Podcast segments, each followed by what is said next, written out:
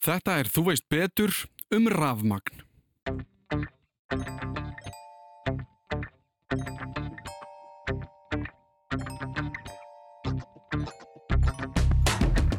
um leið og þú stingur einhver heimilstæki samband þá fer einhver virkun að setja aðeins meira vatn inn á okkar túrbínu sko. og eins og göngin sem að fæða eins og kárun einhver virkun minn þetta er bara eins og, eins og göng sem þú getur kert í gegnum sko, eða, eða stærri sko, sko. Það er bara að þú breytir ekki rákjari bandarækjunni í 230 volt það er, það er meira en að segja það Rafmagn er allt í kringum okkur. Við komum heim, kveikjum ljósin og byrjum að elda án þess að pæla mikið í því hvað sé að gerast. Við bara gerum einfallega ráð fyrir því að hlutinir virki.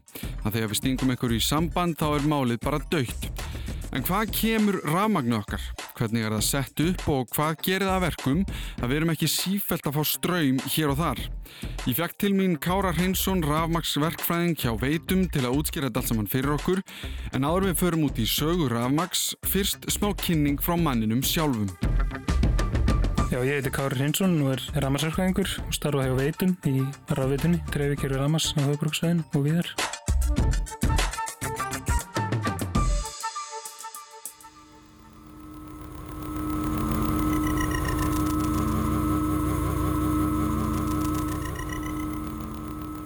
Ég held að hún er náttúrulega mjög laung í rauninni og ramman er náttúrulega, hvað maður að segja, svona bara hluti af umhverfin okkar og hérna, við heldum svona fyrstu hugmyndi manna um ramman tengjast þá einhver svona í náttúrinni eins og eldingum eða, eða veður, veðurkerfum eða hérna fiskum sem gefa frá sér rafstöð og eitthvað slíkt. Þannig að þetta er svo sem alltaf verið hérna svona hluti bara af veruleika fólks í þúsundir ára og hérna, það, það komur að segja. En það er heldur svona fyrst kannski á, já hvað, það er nú ekki lengur síðan en heldur svona 200-300 ár síðan og fólk voru eitthvað svona alvörinni að átta sig á hlutunum og hérna reyna átta sig á því hvað hérna, hvað er rafleðsla, hvað er spenna og tengi, tengjast við hérna átta sig á því hvað eru eldingar og annars slíkt. Er einhver sem er svona tillaður, ég hugsa alltaf um Thomas Edison, það er eiginlega fyrsta nafni sem ég hugsa um. Já. Er einhver sem er svona tillaður, einhver persóna sem er svona, já, herri, þessi hérna fann upp rafmagn og það sem við þekkjum í dag? Nei, ég, það er náttúrulega, er þetta ekki svona munurinn á því að uppkvita og, og, og átta sig á hlutunum, sko, rafmann er svo sem bara eitthvað sem er bara hluti af hérna, hvað maður segja, Náttúrunni bara. náttúrunni og hérna, en fólk hefur svona verið að átta sig á því hvernig hérna er þetta sérst þá búa til rafmagn eða nýta það á alls konar mísmundi hátt. Og það eru þessar, ég minna maður þekkir eða personarinn og ef maður skoðar hérna mæli einingarnar sko í rafmagni þá þeir allar eftir þessum personum hérna, hérna, fa, hérna fa, farad fyrir faradei og volt fyrir var hérna líka svo sem bjóti fyrsta batterið til dæmis. Og þetta eru svona þessi frumkvölar og svo er hérna en svona í ráðsku dreifingu einhver svona nýtanlegu ramanni er já Edison og hérna Thomas Westinghouse held ég hann heiti sem voru svona frumkvölar í bandaríkjunum í þessu. Og þeir hérna eru þá hérna hérna fyrstu menninir held ég til að hérna ljós setja upp lýsingu í borgum eða eitthvað slíkt sko. En fóru mjög ólíkar leiðir af því og, og það er hérna talað um þetta á ennsku War of the Currents ég veit ekki hvernig það þýðist.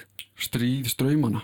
Já, allir það ekki bara það? Það er gott sko Og það er þá í rauninni milli þess að tekja aðla það sem að Edison, og þetta er svona frækt sko á mörguleiti, það sem Edison er að tala um þessa jafnströmstækni eða jafnspennutækni hennar sérst DC, nota sérst jafnström til þess að hennar knýja perur og þetta og tæki og meðan Westinghouse var meira Asia megin og, hann, og það er það tengt Nikolai Tesla líka sem að er oft kendur við þetta, þetta, þetta stríð eða hvað það má segja. Hann var nú svona kannski meiri svona, hann var svona meiri brjálagur vísindamæður heldur en meðan Westinghouse var svona meira eins og ég skil þetta hérna svona, svona praktíski gæðin sem kom, kom þessu í verk sko. Og þeir hérna og ég held að Thomas Edison býr í rauninni til fyrsta mótorinn ramarsmótorinn, eða induction mótorinn allavega, Asia mótorinn og hérna og þeir eru þá í rauninni svona svolítið að svona í þessum, fyrstu skrifum þá eru þeir bæði báðir sérst að ljósa peru væða einhver, einhver, einhver hús eða einhver götur í bandaríkjunum og eru svona að reyna að finna út úr því hvað er hérna eða eru svona þess að slást um hvað er betri, betri teknilega lausnin sérst að nota AC eða DC sérst til að flytja raman.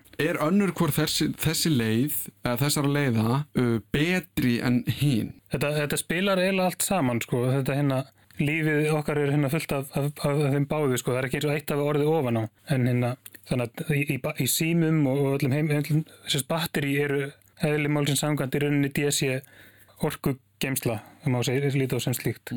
Þannig að batteri og allt svona sem að, já, já, allt svona ráftæki, ég menna þessi spennubreitar sem þið sjáu, þú veist, tengist við flest öll heimilstæki það eru sérst í DC spennubreytar og þá er henni tækið notar einhver ákveðna DC spennu. Og það er talað um jafnströym sem er DC eða reyðströym sem er AC og það kemur þá henni reyðströymur inn, inn, inn á heimiliðt og fluttningur áverk og er allur á formi reyðströyms en semst notkunnin er mjög gjarnan í, í sérst á formi jafnströyms og það er þá helst Já, í AC not, svona pjúra AC notkunn er þá kannski helst ljósaperur, eitthvað svona sem, sem er að knýja erinn með báðu, sko, mm. skiptir ekki öllu máli en ástæðan fyrir að AC-rinni verður ofan á í svona fluttningi rafmaks og dreifingu er rinni bara, já fyrst og fremst að það er hægt að spenna AC-rafmagn upp og niður sem veldur því að þú getur í rinni og hugsaðir hérna til dæmis heimilisrafmagn, þú ert með eitthvað koparvíra hérna eða, eða álvíra sem tengist inn í húsinu þínu. Og sérst orkan sem þú færið út, út úr einstungu er, er sérst markveldi af hérna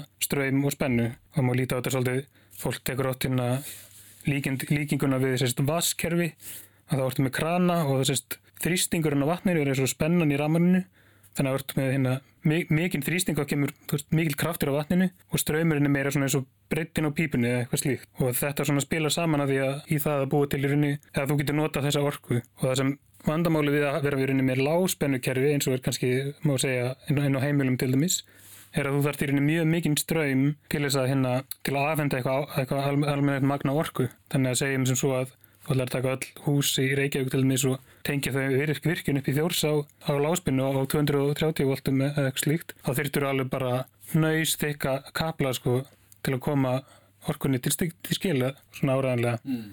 En það sem er, hægt að gera upp á móti er að þú getur hækkað spennun og þú getur bara aukið þrýstingin í vasslíkingunni og þá hérna getur borið alveg gríðalega mikla orku um í rauninni tildulega granna víra um langa leiðir. En því fylgja náttúrulega önnu vandamáli eins og bara það verður rauninni hæ, hættulegri þetta eru hættulegri mannverki og annað slíkt sko. Þannig að maður þarf að hafa öryggismálin og hreinu og svo leiðis þetta gerir þetta miklu meðfærinlegra mm. og vandamáli við DSI sérstaklega í gamla daga var að það er rauninni mjög erfitt að breyta spennu stíi í DSI þú getur ekki breytt bara 12 volt DSI í 24 volt DSI maður leikur sér en ekkert að því. Það er kannski komin smá tækni til þess í dagurinn má segja, en, en í svona stórum skala gerur þetta, eða gerur þetta minnstakosti eiginlega ekki. Og hérna og það er sérst ástæðan fyrir því þá að Asíurinni varð ofan og þú getur þá byggt, byggt virkjanir eða eitthvað slikt kannski langt í, langt í burtu og fluttir aðmænið án þess að án þess að tapa mikið orkunni á leiðinu til dæmis. Hvenar byrjum við hér heima? Hérna held að fyrsta vassálsíkjörnum á Íslandi allavega hafi verið byggð í Hafnafyrði árið 1906 og þeir voru eitthvað aðeins fljóttir á sér en hérna en borgin. En þá er henni heldur fyrsta virkinin í borgin er í alla, alla árnum til því að árið 1914 af mannett mm. og hérna og þá var svo sem eitthvað búið að leika sér með semst, að nota rafmagn og þá var þá framleitt bara með semst, einhverjum svona generatorum sko sem er knúknunir þá með bensin eða ólíu eitthvað slíkt sko. En ég held að þetta voru, þetta voru svona fyrstu vassaflirkennar á Íslandi allavega svona að einhverju alvöru sko. Og er þá bara farið, ok, við erum komið með virkjanir eða svona einhver leiti við þurfum að flytja þetta og þá er bara að byrja að leggja svona asi þykka víra. Ég mist algengast er ál í dag. Eh, kopar er líka já, algengur. Og þetta er bara allt sett í jörð eða hvað? Já, í rauninni sko há, sérst, fluttningskerfið eins og það sem landsnættir ekkur er nú mikið ennþá í hálspunlínum og, og það er þessi möstur. Já, og maður sér það upp á allir segði og slikt sko. Og það er nú bara svona tæknilegar fórsendurunni fyrir því að það er erfitt að leggja semst, slík háspennu kerfi í jörð eða allavega einhvern svona mik mikinn hluta af því í jörð. Og hérna þannig þeir, þeir rega kerfi sitt er almennt svona 220 kV hérna á söðvestur honinu og svo er þessi beigðalína 130 kV lína sem að klára hérna hringin í kringul landið. En hérna en eins og innanbæjar í dag en þetta var svo sem held ég, ég menn þetta hefur eflust ekki verið svona í uppæðu sko þá eru allt verið í loftlínum eins og það er svo við í heiminum og eins og í mhm. bandaríkunum er þetta náttúrulega mjög ábærandi hvað allt hangir í staurum skótum allt og þeir trúaði alltaf þeir sem hafa ekki komið til Európa að þetta sé einhvern veginn öðru sig annar staðar sko. en eins og hjá okkur á höfuborgsæðinu er nánast engar loftlínur eftir það er, hana, það er ein í Moselsbæ það er ein hann hjá, hjá Bláfjöld með löðin upp í Bláfjöld hana, mm. og, og, og eitthvað slíkt sko, hér og þar sko, en annars er þetta allt í hérstrengir en það er þá að því að það er lægri spenna á kerfinu okkar það, er svona viðránlega að gera það sko og þegar þú segir viðráðanlegra meina, ef við, ef við klárum þannig að, að við erum eiginlega komin út í bara hvernig Ramags virkar já, já, en, en það er bara allt í lagi að því að ég held að ég meina, saga Ramags meina, þeir eru að reyna átt að sá því hvað er besta leginn til að flytja þetta og, og búa þetta til og síðan bara breyði Ramagn úr sér í raun. Veist, það verður einhver tækni til sem við þurfum kannski ekki að fara út í að því hún er kannski mjög tæknileg. Uh, eða hvað? Já, já, það er náttúrulega mjög, þú getur kafað mjög djúpt í þetta sko. Já, en, en svona í grunninn þá verður til já, hvað getur við sagt, bara eitthvað kerfi sem að breyðist síðan út um heiminn og verður að því sem við þekkjum í dag. En þessi ACDC riðströymur og, og jafnströymur öll okkar heimili og allt sem allir eru að hlusta á þetta í og allt þetta notar DC, það er bara ef að segja konsum, já, notar það ASI sko að því að nú Já, já, já heimilstækjurinni nota flest, eru flest DC, tölfur og annars líkt sko. en þannig að við fáum ASI inn já. sem verður að DC Já Er það svona nokkur neginn rétt skiljið á mér? Já, svona, já, flest allt. Nema, nema þá kannski ljósaperur og annars líkt, en reyndar með leddperum er það að breytast líka, sko. Já, að þau eru DC. Já, í rauninni. Já, þá er kannski næsta spurning, allt heimilið og allt sem við sjáum, eða þú veist, eða svona við nótum kannski er mestmengist DC. Asi kemur inn sem er að bera hennan mikla kraft, að þú talar um hættunar varandi þetta. Að því að sko, sko að þú talar um volt Já. og það er það sem við mælum er það ekki allt í Jú, mæling og spennu mæling og spennu og þú kaupir eitthvað þá stendur orgu þörfin fyrir þetta tæki er 24 volt segjum það bara ja, það er henni spennan sem að tæki tekur þá inn. Og svo er aflið meld í unni vöttum. Það er henni ok, volt og vött. Okay. uh, volt eru spennan sem tækið tekur inn. Segir það ekki? Jú. vött eru það er aflið sem að tæki notar, það er henni orka á tímaeiningu. Þannig að ok, þannig að það er bæði á hverju tæki? Já, það má rauninni segja þetta er rauninni svolítið bara svona hönnunar ákvörðin eiginlega, þannig að eins og í Evrópu og viða heiminum er sérst, er raman almennt sem er afhendir til heimila 230 volt og það er þá í öllum innstungum Meina, það gildir annað í bandaríkunum til sem að er yfirleitt 110 voltar raman En af hverju? Þú veist, núna þekkjum við þau öll að ferðast og skiptum kló og skiptum vera með mismöndi allt þetta. Af hverju er ekki öll lönd með sama, hvað segir maður, standard eða, eða viðmið? Já, ég held að það sé í rauninni bara þetta þróast sitt í hverju lægi sitt hverju tímanum og svo bara er þetta að vinda ofan og svona sko.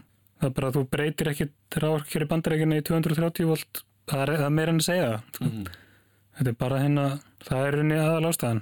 En er ekki betra að vera með meira? Er ekki, er, sko, ég horfi á þá þannig að orku, eða sérst, að ég byggi í bandaríkjunum á móti þess að búa til og með svo Íslandi sem er 230 á móti 110 að þau séu með einan geðsalapa veikara rafmagn. Já, þau eru með læri spennu í ormanunum sér því að fyrir sömu orku nótkun þá þurfaði meiri ströym í rauninni.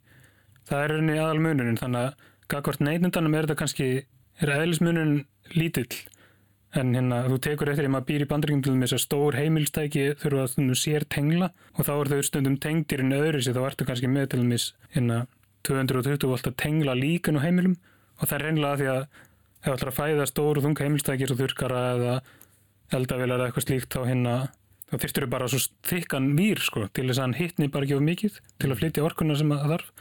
Ef það væri 110 Menur, ef þú myndir stinga honum í sambandi 110 volt, volta uh, einstungu að þú þyrti výrin þaðan að vera svo þykkur.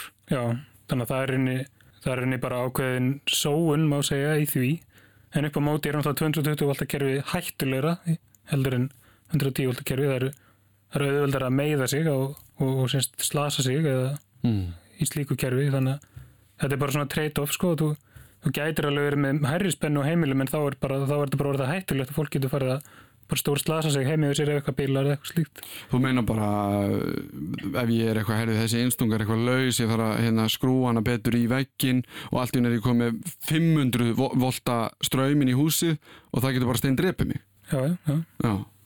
En ok, þannig að þetta er, þetta er ekkert eitthvað annað kerfið er betur en hitt. Þetta er bara svona svipu kerfi bara mismöndi flutningslið. Já, þetta er rauninni bara, já, þetta er rauninni bara val á einhverju tímpunkti mm. og síðan er þetta hefði bara arflið aðalega. Já, fyrsta vatnsaflsvirkjunin kom árið 1906 í Hafnafyrði, stuttu setna í Reykjavík. Stærstu hugtökin eru riðströymur og jafnströymur, AC og DC. Við eigum mestmenglis við DC en fáum rafmagnir til okkar í gegnum Asi. Vasslagna líkingin er best til fallin að útskýra hvernig rafmagnir kemst til okkar. Asi gerir það verkum að það getur verið meiri spenna með minni áhættu.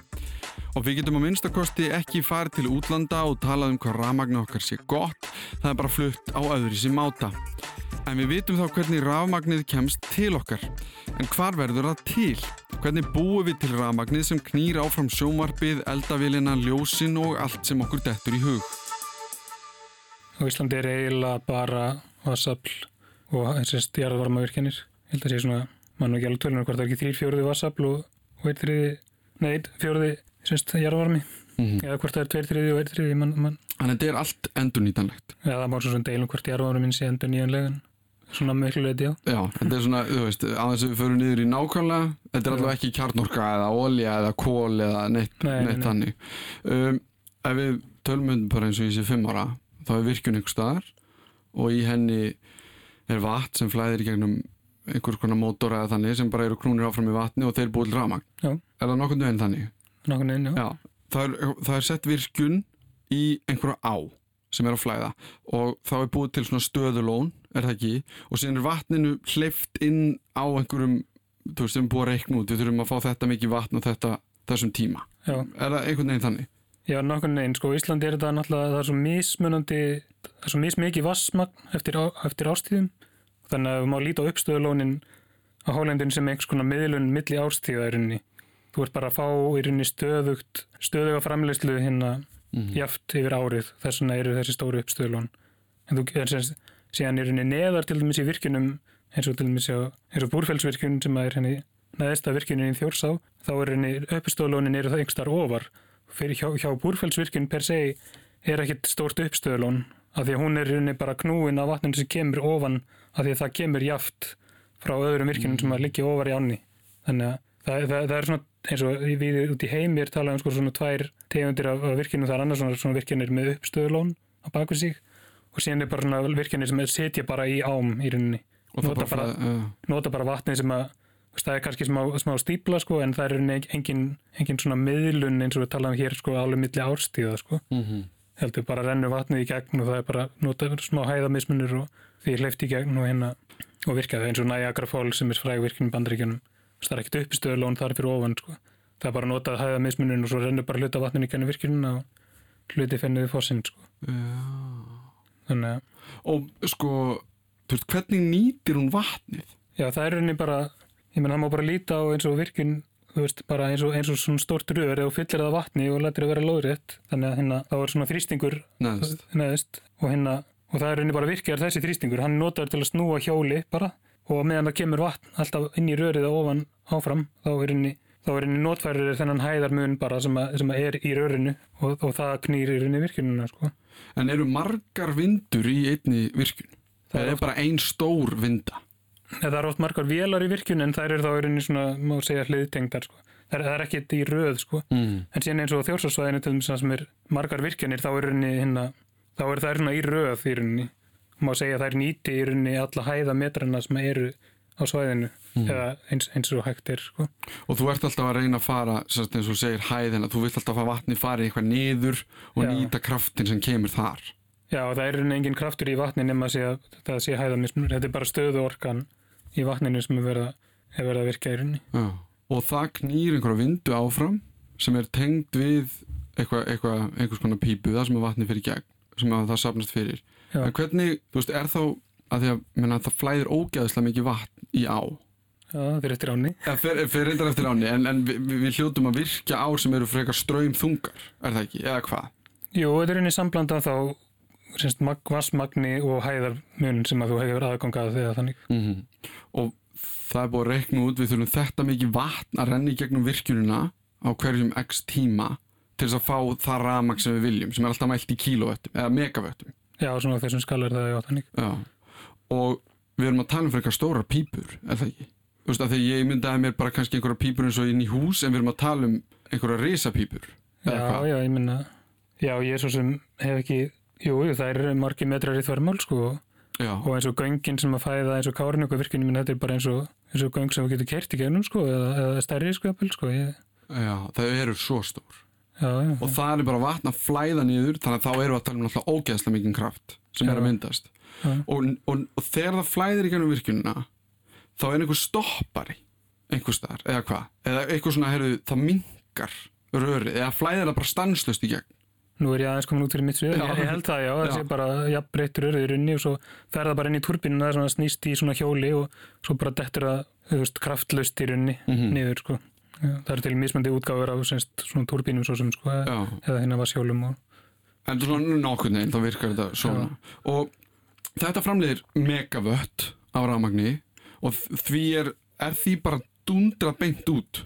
Já, þetta er í runni mörguleiti áhvert kerfið af því að þetta er í runni allt samhangandi, það eru vissulega spennar á leiðinni sem að kannski Þannig að þú ert kannski ekki með óslitinn kopar hérðan úr veist, upp á þjórsálsvæði. mm -hmm. En það má samt líta sem svo að spaku tengilin er rauninni bara er virkun að bara má, má horfa það sem í rauninni þú veist, það er bara, það bara bein tenging. Já, kerfið er bara þannig baku það er ekkit, er ekki eins og netumferðið eitthvað sem að fer í gennum tölfur og er eitthvað unnið með og gert eitthvað. Mm -hmm. þannig er bara orkan beint á baku í rauninni og það er hérna um leið og þú stingun einhver heimilstæki í samband þá fer einhver virkun að setja aðeins meira vatn inn á okkur á túrbínu sko. Já, þetta er bara stilt þannig af. Já, þú verður rauninni að viðhalda jöfnum, semst jafnvægi í framleiðslu og notkun hverju sinni. Og það eini, og ef þú tekur út meiri orku í kerfinu en sett inn, þá er rauninni, fer að hægjast á kerfinu og þá dettur tíðinin niður rauninni, það hérna, það má rauninni bara líta á turbínuna og vasshjólið og allt það sem er, sem er eitthvað svona snúnings sem snýst á svona öxli og öxullin er semst hefur einhvern ákveðin massa og ef, þú dregur meiri orku út úr kerfinu en þú getur, þú stengur of mörgum heimilstækjum í samband þá bara, ferður bara að toga, sérst þá hefur ekki vatnið við að halda snúningsaðanum jöfnum og, og, og það fer að hægjast á öllu. Þá hlækkar tíðnin í kerfinu og, og þetta er það sem þeir sem stýra kerfunum fylgjast á helst með þeir tíðnin í kerfinu. Er, er hún að lækka þá aukaði framlýsluna, er hún að hækka þá dragar úr framlýslunni. En sko, hvernig virkar það sem þannig? Af því ef það er bara, er bara búrfellsvirkjun á bakvið þennan hérna tengil, hérna þetta þessa einstungu og í búrfellsvirkjun eru fram, framleitt Já, 200 megawatt eða, eða meira held ég. 200 megavött á, Sérst í eðlisvæðinni tala um joule já, en það sem að læri í svona framhaldsskóla eðlisvæði eða grunnskóla eðlisvæði. Það er henni orkueining, það er eitthvað svona mælikvarði á hita eða eða hvað við kalla það. En hérna en, en vött er í rauninni joule á sekundu þannig að þú veist það er bara, ef hún er 200 megawatt þá getur hún bara dælt út úr sér 200 hérna miljón joulum á sekundu í rauninni. Mm og það er það orka sem er tekin út og það er maxið, í þeirri virkun. já, ég, ég kann ekki þessi tölur nákvæmlega en hérna, já, það er henni hámarsafliðu út úr virkun. Já, Svo er talað um í rauninni megawatt stundir eða terawatt stundir og það er þá ofta á ári rauninni og það er þá orkan sem að þú býst við að virkjunin skili á ári. mm Það er einhvern hluti á árinu kannski slekkur á einni túrbínu til að fara í viðhald eða, -hmm. eða eitthvað slíkt sko. Og hvernig, ef að það er búrfellsvirkjun, bara hérna á bakvið, þannig Já. tengil, sem að er 200 megavött, okkur í ósköpunum springur ég allt í tætlur, bara stanslust hér og þar, ef ég sting einhverju samband. Hvar eru takmarkannar? Hver passar að, að það er mjög hættuleg tilhugsun að það sé svona ógeðslega mikill ströymur að koma inn í innstunguna sem að ég hef heima með mér. Já, það er náttúrulega mjög mikið á leiðinni í rauninni af svona varnarbúnaði þannig að þú ert með öryggi í ramastöflunum þinni heimið þér. Það er kannski fyrsta svona vörnin. Þannig að ef þú tekur of mikið rama þá bara slæðir það út. Það bara mælir það. Það er það sem er að gerast Já, þegar það slæðir út. svo, já, já, þú ert inni með tvennskunar í, í sérst, þessi öryggi sem eru bara 10 ampere, 16 ampere eitthvað. Þau mæla rauninni bara yfir ströym þannig að ef þú tekur of mikið þá slæðir það út. Og það er þá í rauninni gert yfirleitt fyrir, výrana sem eru út frá þeirri grein í húsinu þeir séu nógu þykir til þess að geta afvend þá orku sem að er öryggið er stilt Mm. og síðan er henni lekaliði líka í húsinu þínu sem mælir þá munin. Hann mælir henni hvort að ramanni fari í vittlusa leið það sé einhver svona leki, ramast leki í henni í húsinu þínu. Það sé þá eitthvað tækir henni að bila eitthvað slíkt. Mm. það er svona önnur, önnur vörn. En síðan er hérna ég meina síðan ef þú ferð út í borgin inn í, inn í hérna inn í dreifikeri ramans eins og hjá okkur hjá veitum þá hérna þar ferðu síðan, þú veist, þar ertu bara með fleiri í raunni sambarileg öryggi sko. Mm. þannig að það er öryggi veist, út í götu sem að hérna, fyrir húsið þitt svo er öryggi veist, í næstu þessu kallum dreifistöðu sem er þessi kofar hanna út um alla borg þú veist, fyrir hérna, eitthvað sapn af húsum bílunin á aldrei að geta orðið of stóri runni það er svona pínu markmið með þessu öllu Já, ok, þá er ég aðeins örugari. Já, Nú ættu við flest að vera komin eitthvað nær því að skilja hvernig rafmagnið okkar verður til, hvaðan það kemur og hvernig við umbreytum vatnsafli og þrýstingi í rafmagn til að nota. En hvað með framtíðina? Er okkar leið að nota jarðvarma og vatn besta leiðin til að búa til rafmagn eða er eitthvað annað sem framtíðin býður upp á? það er náttúrulega bara, er að mörgu leiti lang heppilegasta leiðin til að búa til raman. Bæði getur stöðulega dreyið úr framlýslu eða aukið framlýslu eftir ástandi í kerfinu. Þú hefur mikil, mikið vatn á bakvið þannig að þú er svona nokkuð, nokkuð fyrirsjánlegan forða svona allavega einhverja mánuði eða, eða misseri fram í tíman. Og meðan náttúrulega viðast hvar í heiminum er framlýsla með gasi eða kólum eða olíu eða eitthvað slíkt. Og það er hérna, og, það, það, og þar er, er, er verður náttúrulega mikil mengun til að þessu og það eru náttúrulega ekki óvandilegur auðlindir eins og Það er það ekki bara stærsta vandamál eða svona eitt af stærri vandamálum margraríkja að þetta eru óendur nýjanlegar auðlindir og einhvern tíman munar klárast Jú. og hvað þá? Minna fólk þar en það ramag Einmitt. og það er náttúrulega mikið í dag hort á vind og sólarorku þegar tæknin við þessa framlýslu kosti alveg bara flegir fram sko. en, en eðli þeirra er þetta annað en vassafl og svona þessari ólí og gasvirkjana að hérna, vindurinn framlegin alltaf bara þegar það er rók og sólinn bara þegar sólinn skín og, og það er svona vandamáli í ráorkerum er það mjög erfitt að geima ráorku batteri eru bara svo lítill í þessu samingi og ég minna það sem er gert í rauninni víðam heim sérstaklega þessu ert með aðgangað einhverju landslægi, sko, einhverjum hæðamun er það reynilega, eru bara vassálsirkjani sem eru með lón niðri og uppi og þú bara dæla þér orku upp á daginn og, eða sérst á nóttinni mm. og þér niður á, á, á daginn. Þau þá eru þau bara, það, það er bara batteri í, runni, má segja. Mm, Dæla vatninu bara aftur upp Já, þannig að það er bara því að segjum að það sé hérna meiri nótkun á daginn og þú ert með eitthvað ákvæmna framleyslu í kjarnurku verið með ólíða hvað er þá notar þau hana sérst á nóttunni þegar nótkunin er minni til þess að sérst bara að dæla þessu vatni upp svo getur endur nýtt á daginn.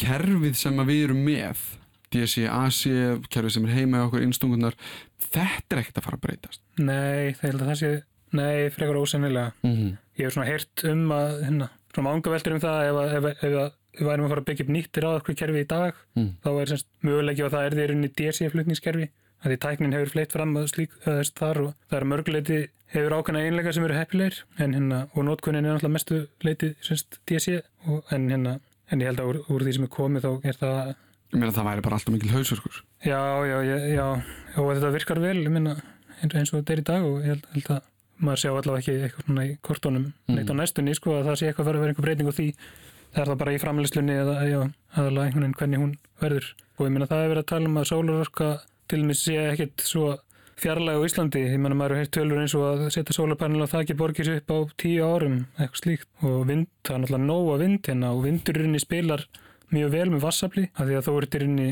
að því vandamálið vindi er að þú, þú getur ekki treyst á framlýsluna en þú getur treyst á framlýstunni vatninu en með, með vindin getur þú kannski nokkur neginn treyst á þú veist, að þú fá einhver orku segjum á nokkrum mánuðum þá getur þú treyst á þú getur ekki treyst á kannski akkurat í mómentinu sko. þannig að þá getur þú bara verið með vassalsíkjum sem spilar á móti, í rauninni hún framleiði bara meira þegar það er engin vindur og minna þegar það er mikil vindur eða eitthvað svoleiðis mm. og þá getur rauninni nýtt vindin greiðalega vel á í rauninni til dæra ódýran hátt sko. þá er hann ekki bara perandi fyrir okkur þá er hann að gera eitthvað það er lignara hinn með einn sko. Já, það er einhverjir möguleikar sem framtíðin býður upp á, eitthvað svona hybrid kerfi þar sem vindur og vatn leika saman til að nýta allar þær enduníjanlegu auðlindir sem eru í bóði fyrir okkur að nota og svo auðvitað sólinn. En þá er komið að lokum í dag. Ég þakka Kára Hreinsinni kærlega fyrir komuna og hveðum leið í bíli. Þú veist betur er á leið í sumarfrí en mætir galvaskur aftur þegar nær drefur hausti. Ég heiti Allimár Steinarsson og þakka fyrir í dag. Þetta var Þú veist betur um rafmagn.